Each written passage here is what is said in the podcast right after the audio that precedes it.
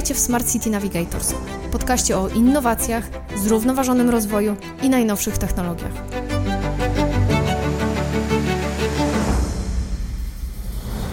Ten podcast tworzy dla Was Navi Parking. Jakub Kompa, prezes Stowarzyszenia Lepszy Służewiec, od lat związany z projektami łączącymi przedstawicieli biznesu z mieszkańcami i władzami miejskimi. Entuzjasta dialogu społecznego zaangażowany w rozwój idei Smart Cities w praktyce.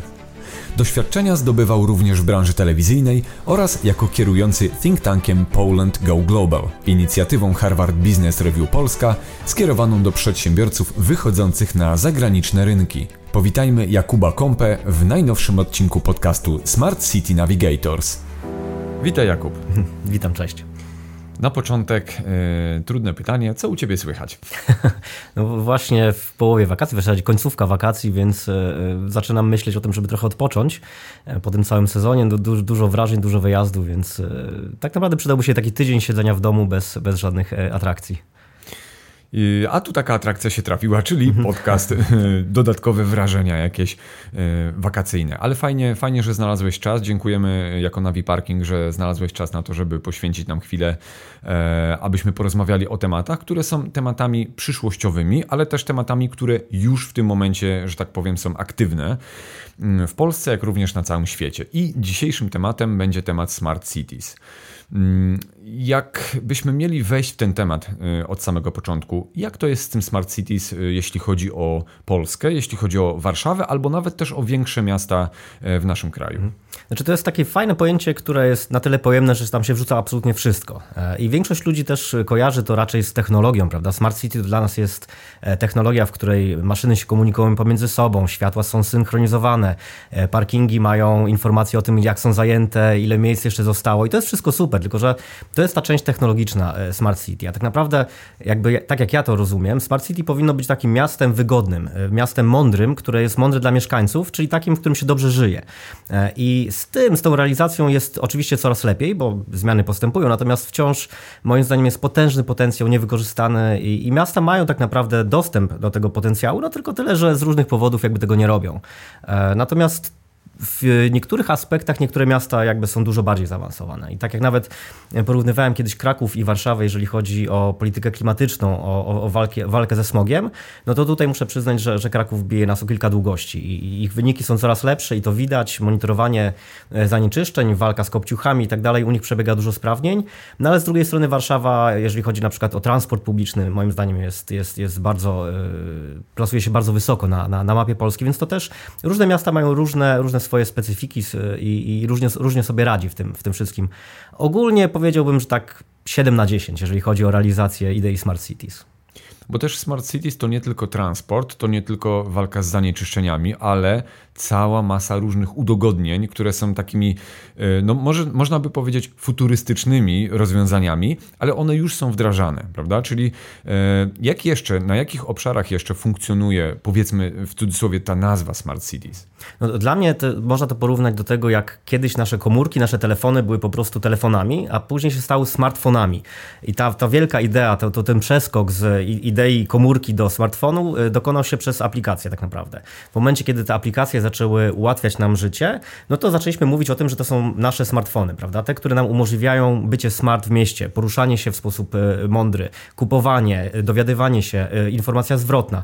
I teraz miasta tak samo mogą korzystać z tych samych narzędzi, żeby nam nasze życie uczynić łatwiejszym. Albo po prostu te narzędzia same wdrażać, albo umożliwić ich wdrażanie, no chociażby aplikacje te wszystkie transportowe, w których my bardzo łatwo jesteśmy w stanie zaplanować sobie trasę. Algorytm robi to za nas, my tylko wpisujemy, gdzie chcemy jechać, jechać, a on nam mówi jakimi środkami komunikacji i tak dalej. Miasta mogą jakby też wspierać tego typu rozwiązania, albo mogą też y, same tworzyć aplikacje. I chociażby 19115, jedna z ciekawszych aplikacji takich miejskich, umożliwia nam jako mieszkańcom e, udzielanie tej informacji zwrotnej e, dla miasta. W momencie, kiedy coś się dzieje, kiedy zauważymy jakieś, jakieś zjawisko, ktoś, nie wiem, stłukł e, szybę na przystanku, my jesteśmy bardzo szybko w stanie przez tą aplikację przesłać to do odpowiednich jakby służb i oni sobie to analizują i w tym momencie miasto ma potężne źródło jakby informacji, więc po prostu wie, co robić i kiedy robić dzięki mieszkańcom. Moim zdaniem jedno, jedno z ciekawszych rozwiązań. No i oczywiście na różnych poziomach może to być, to, to mogą być różne. No tak jak wspomniałeś, jest bardzo dużo różnych aspektów tego Smart City. Jeżeli mówimy o na przykład parkowaniu, no to aplikacje parkingowe są świetnym rozwiązaniem. E, jadąc gdzieś, chciałbym oczekiwać jako kierowca, że będę wiedział, czy tam będzie miejsce do parkowania. Bo nie ma nic gorszego niż, niż jeżdżenie w kółko i, i, i tracenie tej, tej e, cennego czasu i, i spalanie benzyny bez sensu. I też czytałem badania, gdzie, gdzie 30% przejazdów e, przy miejscu docelowym jest wykonywane na takim pustym przebiegu, czyli poświęcamy jedną trzecią e, czasu e, z punktu A do punktu B na szukanie miejsca parkingowego. No i jest to oczywisty absurd. A z drugiej strony ten obieg informacji i wykorzystanie powinno być też realizowane w taki mądry sposób. Czyli na, na przykład, jeżeli idziemy w kierunku smart parkingu i informowania mieszkańców o wolnych miejscach parkingowych, super, ale zastanówmy się, gdzie to robić. E, były pomysły, żeby robić to w centrach miast, no ale co to by spowodowało? To, że dużo więcej samochodów jechałoby do centrów miast, wiedząc, że prawdopodobnie znajdzie miejsce parkingowe dzięki aplikacji. Więc spowodujemy sobie e, dużo większe korki i kierowcy paradoksalnie zamiast dostać ułatwienie, dostaną utrudnienie. Więc to też trzeba wprowadzać w mądry sposób, bo samo rozwiązanie jest świetne, no, prawda? Jak, jak wiele innych właśnie smart rozwiązań. No tak, bo to też y, chodzi o chociażby na przykład y, generowanie spalin, prawda? No, krążymy w pomieście szukając miejsca parkingowego. Y, drugi aspekt, który jest też aspektem ważnym, to jest aspekt psychologiczny. Krążymy, denerwuje, człowiek się denerwuje, prawda? I tutaj już, no niestety, rozmawialiśmy zresztą przed rozmową o technikach mindfulnessowych, które warto wtedy uruchomić po prostu, żeby, żeby jakoś się nie dać wyprowadzić z równowagi stojąc w korku. Ale znowu, po to właśnie byłoby to Smart City, aby umożliwić umożliwić to y, użytkownikom czy właśnie mieszkańcom miasta, właśnie chociażby znalezienie wolnego miejsca parkingowego. Co jeszcze może umożliwić taka idea Smart Cities mieszkańcom? Jeżeli jest dobrze wprowadzane i z takim y, powiedzmy planem, żeby to nie było prowadzone ani punktowo, ani z drugiej strony nie popadać w taką megalomanię, że robimy masterplan na, na 40 lat i za 40 lat będziemy mieli e, Internet of Things i wszystkie rzeczy będą e, e, jakby skoordynowane, będą wymieniały się informacjami. Super idee, ale nigdy to nie wychodzi w praktyce. Więc jakby to mądre Smart City to jest takie Smart City, które pozwala na, odpo na odpowiedź na takie lokalne problemy. Na przykład na analizę tego, gdzie, gdzie są wyspy ciepła w mieście. To jest potężny problem, który mieliśmy jeszcze parę tygodni temu, kiedy, kiedy te tropikalne noce były, były w Warszawie. I Czym są wyspy ciepła? Jakbyś mógł przybliżyć? Wyspy ciepła to są takie lokalne miejsca, w których temperatura nagrzewa się do, do, do poziomów, które są już szkodliwe dla zdrowia. To są na przykład place betonowe, które się świetnie nagrzewają i które w nocy, kiedy ta temperatura powinna spadać, y, kamień bardzo dobrze oddaje to ciepło, więc one to są wyspy, które tak praktycznie nigdy nie, nie, nie schładzają się i powodują to, że no, mieszkając koło takiej wyspy ciepła mamy temperaturę wyższą kilkanaście stopni niż na przykład mieszkając koło parku. Więc te różnice e, są, są dramatyczne i dla ludzi starszych, dla, dla ludzi albo dla dzieci chociażby, no te wyspy ciepła są bardzo niebezpiecznym zjawiskiem. I czy one są generowane tylko i wyłącznie przez słońce? No to jest y, głównie tak. To znaczy też można powiedzieć, że one mogą być generowane przez y, zabudowywanie naturalnych klinów napowietrzających, bo, bo wiatr, który, który naturalnie przelatuje sobie przez miasto, mówiąc tak w y, uproszczeniu, też chłodzi, prawda? Natomiast y, no to nie jest też żadna tajemnica, że jeżeli mamy wybetonowany plac, gdzie nie ma ani wody, ani zieleni, no to on się będzie nagrzewał. I w tym momencie takie wyspy ciepła powstają właśnie w tych miejscach i walka z nimi też jest y, kwestią jakby rozsądnego planowania. No i tu wchodzimy już na, na, na temat tej betonozy i, jakby betonowania, rewitalizacji w cudzysłowie, polegającej na tym, że, że, że rynki są na przykład płytami e, kamiennymi wy, wybrukowane, no i, i, co powoduje to, że, że można tam jajka smażyć? I były takie eksperymenty, smażyli jajka na takim placu, na patelni, jest na tyle ciepło, na tyle gorąco, tylko chyba nie o to nam chodzi, i to na pewno nie jest właśnie realizacja Smart City. Więc tak podsumowując, to chyba jest taka idea, kiedy miasto powinno być dla nas wygodne. E, żeby te rzeczy, których potrzebujemy, były blisko nas, E, żeby można było odpocząć, jeżeli mamy na to ochotę, załatwić wszystkie rzeczy w promieniu powiedzmy 15 minut i stąd idea 15-minutowego miasta e, i żeby miasto było czymś, żeby było naszą przestrzenią wspólną, żeby to nie było tak, że mamy własne mieszkanie, a to co poza mieszkaniem czy poza domem jest, jest taką dziką przestrzenią, gdzie tylko jak najszybciej staramy się przez nią przebiec, tylko żeby było taką przestrzenią, w której my chcemy żyć i chcemy mieszkać. No, o to chodzi w mieszkaniu w mieście poniekąd. Mhm. I też żyć i jakby współegzystować z innymi ludźmi, prawda? Właśnie tworząc jakieś lokalne społeczności, e, czy to zrzeszające się dzięki jakiejś, nie wiem, wspólnemu hobby, czy wspólnej zaangażowaniu się w jakąś inicjatywę. Mm, I to jest, to jest fajne to, co powiedziałeś, że właśnie Smart Cities to to jest wręcz y, odwrotność tej betonozy, bo dużo osób może kojarzyć y, Smart Cities właśnie z zabetonowaniem, y, czy to przestrzeni miejskich, czy też przestrzeni jakichś osiedlowych, gdzie są tylko kamery na przykład, tylko beton i tam wszystko jest kontrolowane, przepływ informacji i tak dalej, prawda? A to jest coś zupełnie odwrotnego. Tak, aczkolwiek ten przepływ informacji i wykorzystanie technologii jest, jest bardzo ważne, e, bo technologia nam bardzo to wszystko e, jakby umożliwia zrozumienie pewnych procesów i zaplanowanie. Technologia pozwoli nam na przykład sprawdzić, jakimi ścieżkami ludzie chodzą, e, jakimi jeżdżą, jakie są lokalne potrzeby, gdzie się ludzie gromadzą, a gdzie nie gromadzą, a powinni na przykład. Jeżeli projektujemy park i zobaczymy, że tam nikt nie przychodzi do tego parku, no to coś jest z nim nie tak, prawda? Więc analiza ruchu ludzi, tych potoków ludzkich, jak to się mówi w, w, w tej branży, no to pozwala nam też analizować, co źle zrobiliśmy i jak, jak, jak zdać odpowiedź na to. No plus ja, ja też jestem fanem technologii, jeżeli chodzi o, o wykorzystanie informacji. No bo znowu, my generujemy jako użytkownicy e, miasta, bo jesteśmy, mieszkańcy są użytkownikami miasta, to miasto jest dla nas. I my generujemy masę informacji, e, i które, jeżeli zostaną e, dobrze przeanalizowane, dadzą odpowiedzi na pytanie, czego potrzebujemy.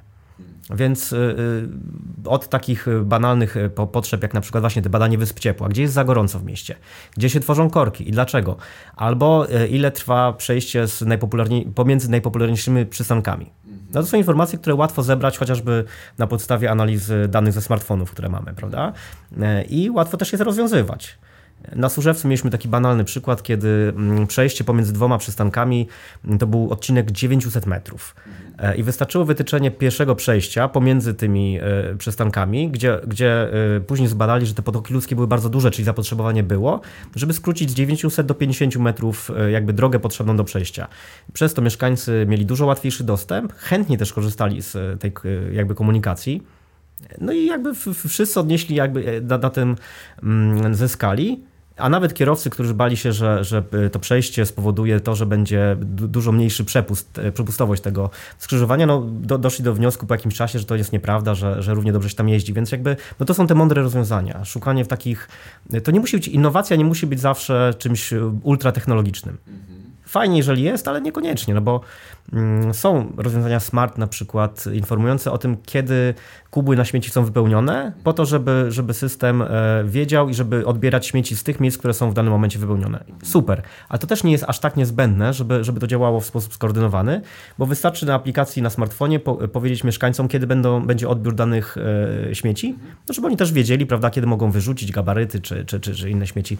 To wszystko to są dość proste rozwiązania, tylko powinny być jakby wprowadzane mądrze. No dobrze, w takim razie, żeby spróbować wdrożyć tą ideę Smart City, potrzebna jest legislacja. I co byś o tym powiedział?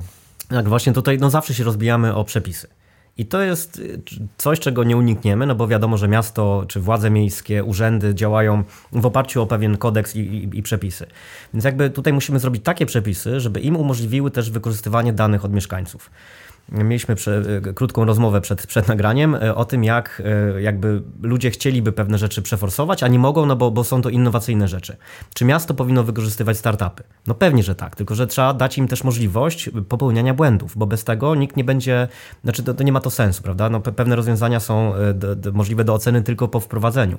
Więc e, przepisy powinny być na tyle poluzowane, żeby miasto miało pewną e, jakby chęć i, i, i możliwość eksperymentowania, bo bez tego nic innowacyjnego innowacyjnego się nie wprowadzi. Natomiast e, to też jest kwestia pewnego mm, odgórnego, znaczy myślenia o tym, że jak się odgórnie zadekretuje, no to wszystko się samo, samo poprawi. To znaczy nie wystarczy wprowadzić przepisów, e, że wszyscy jesteśmy piękni, młodzi, bogaci, żeby tak było, prawda? To trzeba e, poprzeć konkretnymi później rozwiązaniami. Więc z jednej strony jak najbardziej powinno być, e, przepisy powinny być wprowadzane i to widać chociażby na przykładzie budżetu obywatelskiego, kiedyś partycypacyjnego. Wprowadzili przepisy, w których, czy miasto wprowadziło przepisy, dzięki którym część budżetu była wykorzystywana na realizację projektów zgłaszanych przez mieszkańców i takich, który wybieranych przez mieszkańców. No i to się okazało moim zdaniem prawie pełnym sukcesem. Ma to swe, swoje pewne wady, ale, ale y, tutaj na, na, potrzeby tego myślę, że nie ma sensu tego bardzo rozwijać. W każdym razie idea budżetu partycypacyjnego pokazała, że mieszkańcy mogą sami decydować o tym, na co przyjdzie y, część budżetu. I to tak bardzo lokalnie. To, to, to są projekty, które dotyczą konkretnej ulicy, konkretnego boiska szkolnego. Więc jakby e, dzięki takim przepisom no, mieszkańcy mogą sami wymyślić projekt e, i zmienić tą okolicę wokół siebie. Czyli mieć taki bardzo realny wpływ na, na, na to, co się wokół nich dzieje. Bo oczywiście te, te wszystkie wielkie masterplany, miliony drzew dla Warszawy, czy, czy, czy plany, które, które e, rozwój sieci metra w, w następnych 50 latach są ważne i potrzebne. Natomiast z punktu widzenia mieszkańca mnie bardziej interesuje, co się będzie działo przy mojej ulicy i chciałbym to wiedzieć z wyprzedzeniem, a jeszcze bardziej chciałbym mieć wpływ na to, co się dzieje, prawda? Więc te przepisy powinny być tak skonstruowane, żeby dać maksymalną partycypację mieszkańcom. E, I w wielu miastach dzieje się to na Pomorzu, na przykład świetnie wprowadzili e, tak zwane panele obywatelskie, gdzie e, władze dyskutują z mieszkańcami na temat na przykład zmiany w całym kwartale. Jak będzie wyglądał ten kwartał? I tak dopasowują później rozwiązania, żeby spełniały potrzeby tych mieszkańców i oczekiwania. I moim zdaniem to jest świetne narzędzie, które znowu nie jest wszędzie wykorzystywane, nie jest powszechne, a powinno być. No bo koniec końców mieszkańcy mają wrażenie, a rozmawiam z nimi dość często, że ich głos nie jest wysłuchiwany że przynosi się gotowe rozwiązania i mówi się od jutra linia autobusu 318 zmieni trasę i będzie jeździła taką i taką trasą, prawda? Ale dlaczego nie pytało się wcześniej mieszkańców? Być może jest lepsze rozwiązanie, a jest szereg y, przykładów na to, że, że pytając mieszkańców właśnie uruchamiamy ten potencjał i z jednej strony dowiadujemy się czegoś, czego się sami nie dowiemy z zabiórek, a z drugiej strony dajemy mieszkańcom poczucie tej sprawczości i angażujemy ich w ten proces. No bo to i to się naprawdę sprawdza. Mieszkańcy są zadowoleni, kiedy mogą robić coś, co, co, co później ma jakiś, ma jakiś sens, ma wymierne znaczenie. Między innymi stąd y, popularność stowarzyszeń, które powstają po to, żeby realizować konkretne cele, prawda, konkretne zadania. Walczą o konkretną rzecz i, i jak się uda, no to to jest, to jest niesamowita satysfakcja i, i, poczucie sprawczości. Tak, i tu myślę, że kluczem też jest y, komunikacja, bo zarówno ze strony mieszkańców, str mieszkańcy przede wszystkim powinni jakby wyrażać chęć partycypowania w różnego rodzaju właśnie strukturach e, społecznych, a z drugiej strony e, władza też jakby, e, czy to władza lokalna, czy właśnie dzielnicowa, powinna być otwarta też na słuchanie tych próśb, tych powiedzmy informacji. No i dopiero właśnie chyba z fuzji tych dwóch elementów, ale jednak pomiędzy tym wszystkim jest odpowiednia komunikacja. Mhm. Tak, to poruszyłeś chyba kluczowy w ogóle ten aspekt tego wszystkiego. Komunikacja jest, to jest, to jest warunek tego, żeby to w ogóle miało, miało sens. Znaczy, to nie może być komunikacja jednostronna, ani to nie może być komunikacja pozorna, bo obserwujemy, że, że komunikacja taka jednostronna to jest właśnie przygotowanie pewnych rozwiązań i później obwieszczenie mieszkańcom, jak bardzo uszczęśliwi się ich, jak w przyszłości będą mieli lepiej dzięki naszemu światłemu planowaniu. To jest takie myślenie jeszcze z ubiegłej epoki. Nie wiadomo, czy te rozwiązania są do końca potrzebne w ogóle tym ludziom. No tak, bardzo często nie są zupełnie potrzebne. Natomiast ta komunikacja y, to jest jednostronna, prawda? A pozorna to jest taka, że dajemy wybór, ale i tak wiemy, co będziemy chcieli zrobić, więc tak naprawdę y, y, posłuchamy, pokiwamy głowami, zapiszemy, zrobimy raport, zrobimy analizę, po czym to pójdzie do szuflady, bo i tak będziemy robili swój jakiś tam masterplan realizowali. Więc jakby tutaj na tym, na tej, ta komunikacja jest absolutnie potrzebna.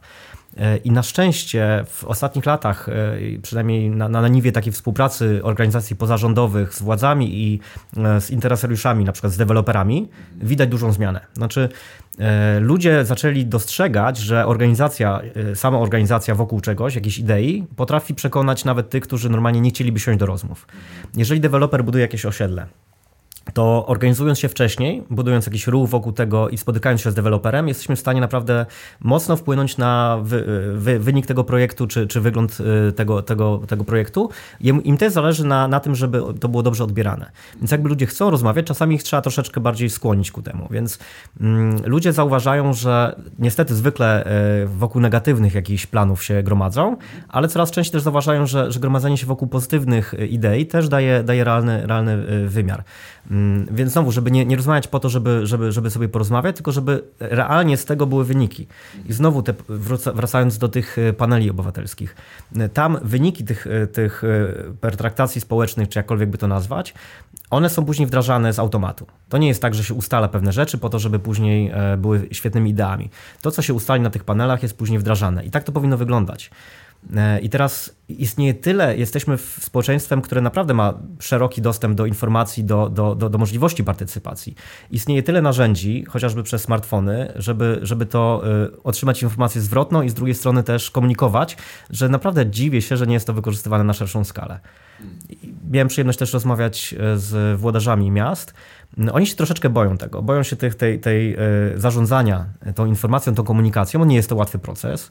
E, natomiast no, to jest chyba przyszłość, przed którą nie uciekniemy. Dokładnie. Myślę, że to jest po prostu głównym założeniem Smart Cities, które tak jak powiedziałeś, to nie jest tylko technologia, prawda? Mm, to jest po prostu rozwój i myślę, że też otwartość nie tylko włodarzy miast, ale również mieszkańców na to, żeby coś, e, coś zmieniać na, na pozytywne.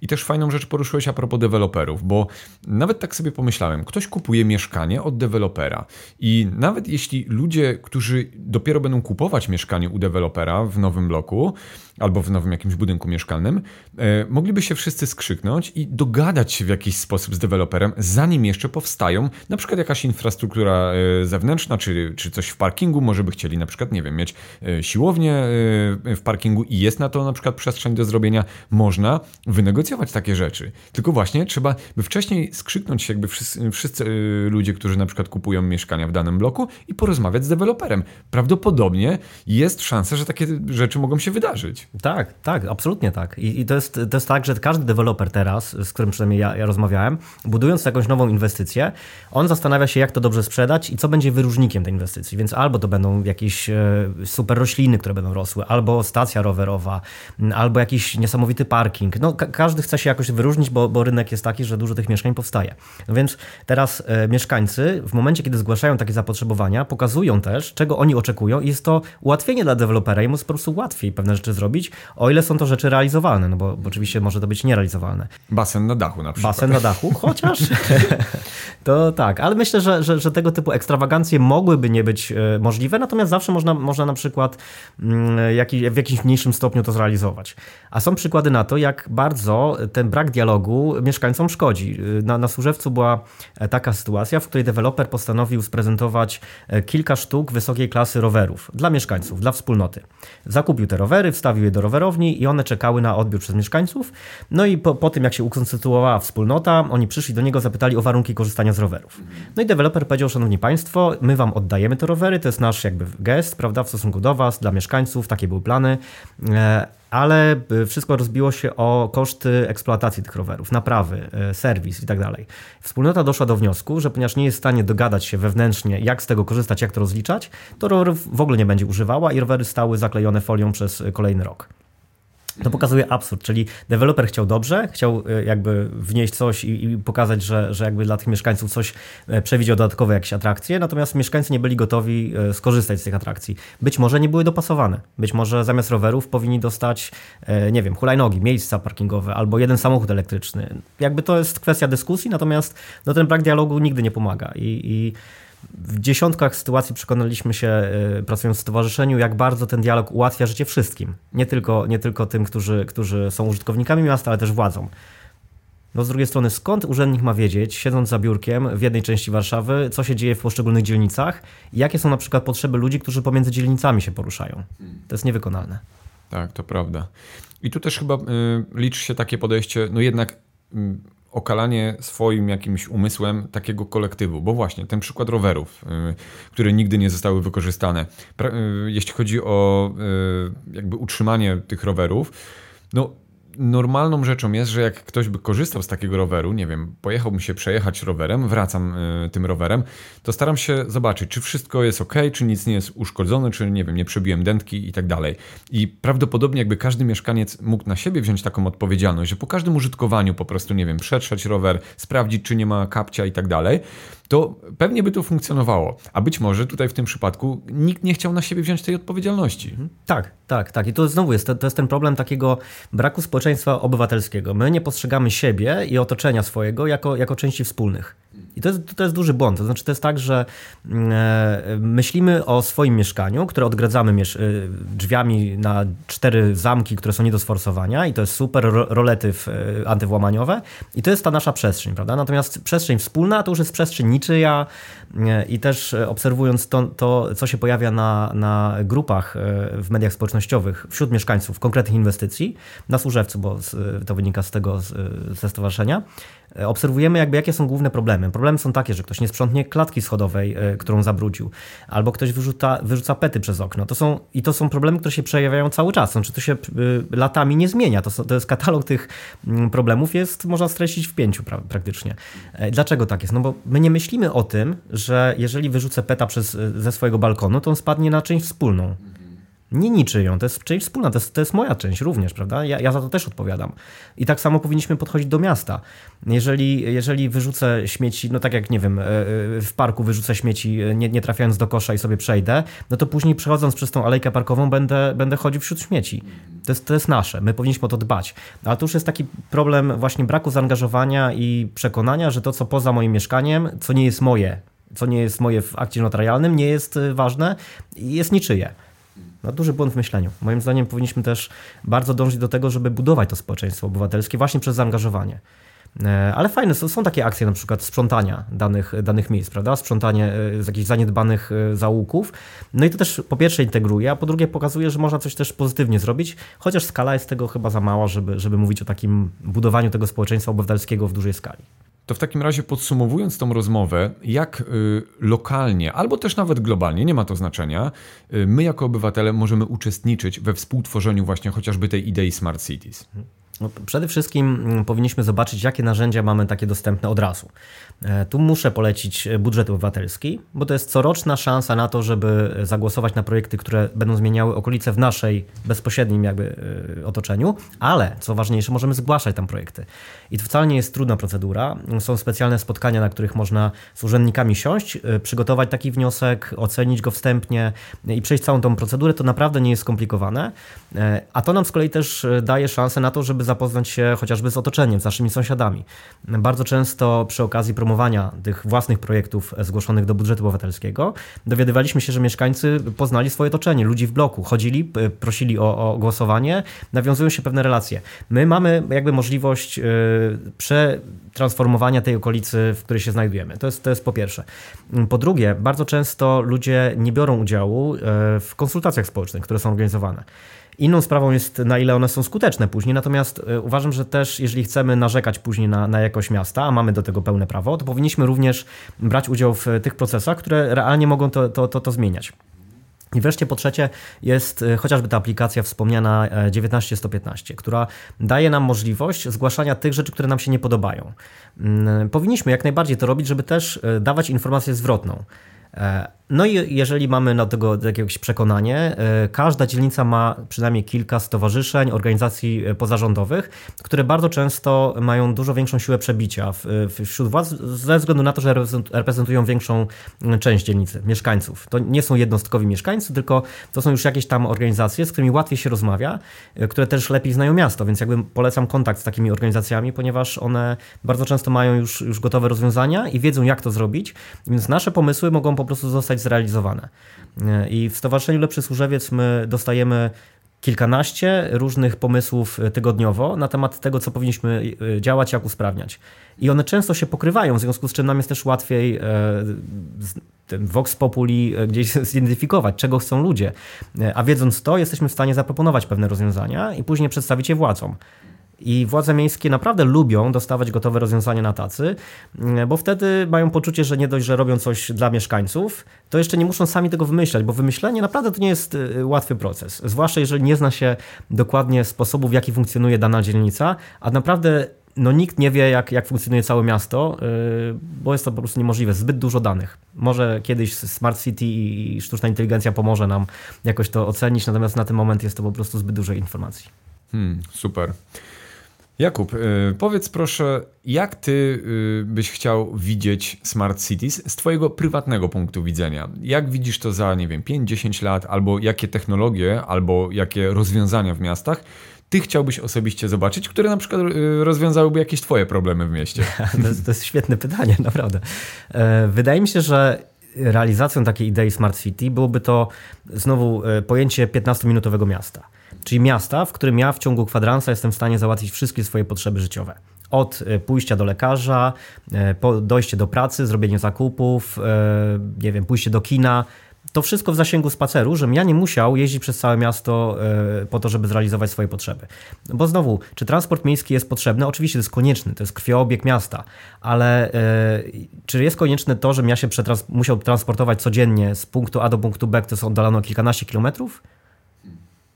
Smart City to było takie miasto, w którym ja, korzystając z mądrych rozwiązań, nie muszę tego robić. Jeżeli chcę, to mogę, bo oczywiście raz będę miał ochotę pojechać do Lasu Bielańskiego, a raz na Bulwary Wiślane, ale żebym ja to, żeby to był wybór, a nie konieczność. E, żebym nie musiał spędzać w transporcie więcej miejsca niż, niż tego potrzebuję, ale z drugiej strony, żeby ten transport był e, jeszcze bardziej wygodny.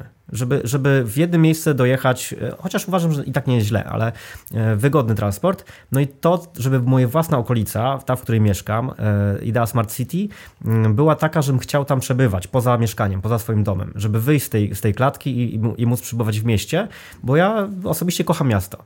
Więc jakby dla mnie idea Smart City, realizacja jej to jest, to jest miasto, które jest wygodne, 15-minutowe, zielone, w którym mogę siedzieć i odpoczywać i takie, które też daje możliwość e, spotykania się z ludźmi. Czyli też powinno być otwarte na to, żeby, żeby mm, móc, móc się spotykać, e, jakby w pewien sposób promować takie zachowania i, i takie procesy.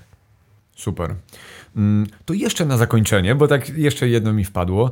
Czy są jakieś źródła informacji, które byś polecał? Na przykład, nie wiem, książki, podcasty, albo kanały na YouTubie, albo e, jakiekolwiek inne obszary, które ludzie mogą zgłębiać na temat Smart Cities, e, jeśli chodzi o Polskę, bo mówimy na razie o naszym kraju. Mhm. No, by, był kiedyś, e, nie wiem, czy, czy teraz jest jeszcze blog Smart City, który był prowadzony przez Bartosza Dominiaka, zresztą wiceburmistrza Ursynowa jednego z takiej nowej ery. Człowieka, który właśnie rozumie nowe technologie i rozumie, w którą stronę to idzie, więc to mogę e, zarekomendować tego typu rozwiązania. E, Miasto 2077, e, które jest też stroną internetową, na której znajduje się bardzo, są inspirujące przykłady z różnych miast. I takie, które, które oczywiście dałoby się wprowadzić w Polsce, tylko czasami jeszcze, jeszcze brakuje nam pewnych, pewnych możliwości, pewnych narzędzi, ale warto czytać po to, żeby się jakby inspirować tym wszystkim. Plus na YouTubie jest potężne źródło inspiracji, jeżeli chodzi o rozwiązania, które stosują inne miasta. Ja wychodzę z założenia, że najlepiej po prostu podpatrywać pewne rozwiązania, które już gdzieś się sprawdziły, no bo nie wszystkie są możliwe do, do wdrażania w, w Polsce, ale chociażby analizując to, jak się e, pewne rzeczy rozwiązuje w Dubaju czy w Tokio, my możemy sobie na mniejszą skalę później to e, odnieść do Warszawy i zastanowić się, co by naprawdę nam e, poprawiło chociażby komunikację. E, bo mówiąc o Smart City, my często myślimy, że to są samochody autonomiczne i tak dalej. I jasne, to, to, to jest jeden z aspektów tego, ale zanim do tego dojdziemy, to my możemy w prosty sposób wprowadzać te informacje, czy te, te, te idee w mniejszej skali. Zadbać o retencję wody, o, o, właśnie likwidację wysp ciepła, więcej zieleni, więcej tego, żeby miasto było przyjazne, a nie tylko było takim miejscem, w którym trzeba żyć, bo tu się najlepiej pracuje. Hmm, super. Jakub, dziękuję Ci bardzo za, za tę rozmowę. Naprawdę y, sporo ważnych informacji dzisiaj y, powiedziałeś i sporo ciekawych tematów poruszyliśmy. Y, mam nadzieję, że spotkamy się jeszcze po raz kolejny w kolejnym odcinku podcastu. Będzie mi bardzo miło. Dziękuję. Dziękujemy za wysłuchanie tego odcinka podcastu Smart City Navigators. Mamy nadzieję, że spodobała Ci się dzisiejsza audycja. Podziel się swoimi przemyśleniami w komentarzach i nie zapomnij zasubskrybować tego kanału, aby nie przegapić nowego odcinka. Widzimy się i słyszymy już niebawem.